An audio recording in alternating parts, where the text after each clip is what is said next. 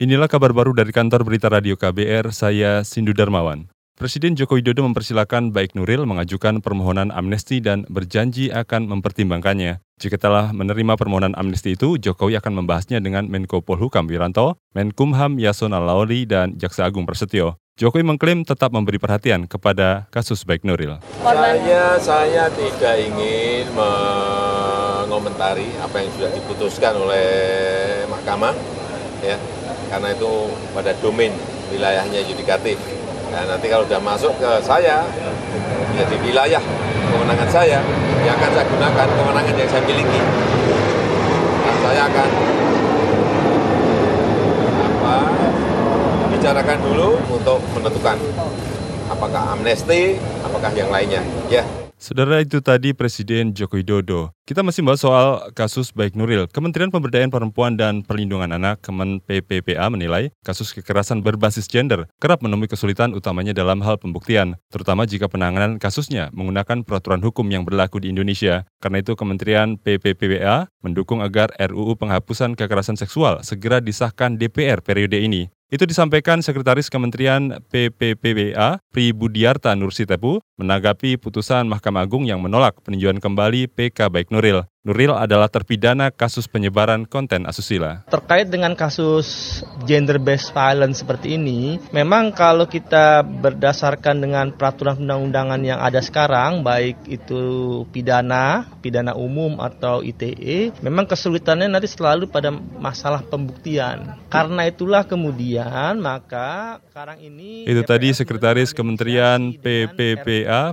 Pri Budiarta Nursitepu. Saudara sebelumnya Mahkamah Agung menolak peninjauan kembali PK Baik Nuril terpidana kasus penyebaran konten asusila. Juru bicara MA Abdullah beralasan permohonan PK Baik Nuril tentang adanya kekhilafan hakim saat memutus perkara tak bisa diterima. Selain itu, Nuril sendiri juga telah mengakui perbuatannya di persidangan. Abdullah mengklaim hakim yang memutus perkara tersebut telah bertindak adil dan independen. Dengan putusan ini, maka Nuril tetap dinyatakan bersalah dan dihukum 6 bulan penjara serta denda 500 juta rupiah subsidiar 3 bulan kurungan.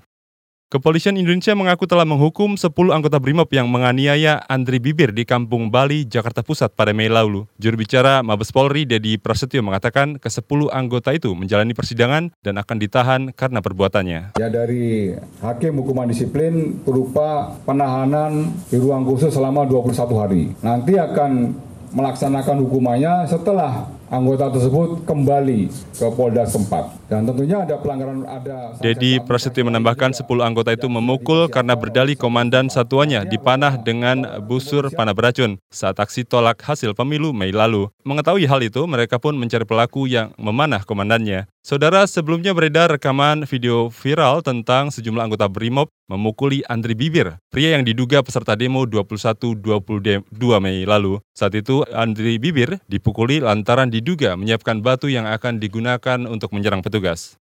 Kita ke Jawa Barat, Saudara Gubernur Jawa Barat Ridwan Kamil atau Emil menyebut ada 60 calon jemaah haji yang dianggap berisiko tinggi terkena gangguan kesehatan. Karena itu Emil memerintahkan tim kesehatan haji daerah TKHD meningkatkan pelayanannya, semisal dengan berkomunikasi intens soal kesehatan dengan calon jemaah haji. Jika perlu, kata dia, ada pemeriksaan kesehatan setiap hari sebelum keberangkatan. Haji itu adalah ibadah yang paling berat secara fisik, oleh karena itu pertama pastikan setiap hari mengecek kesehatan.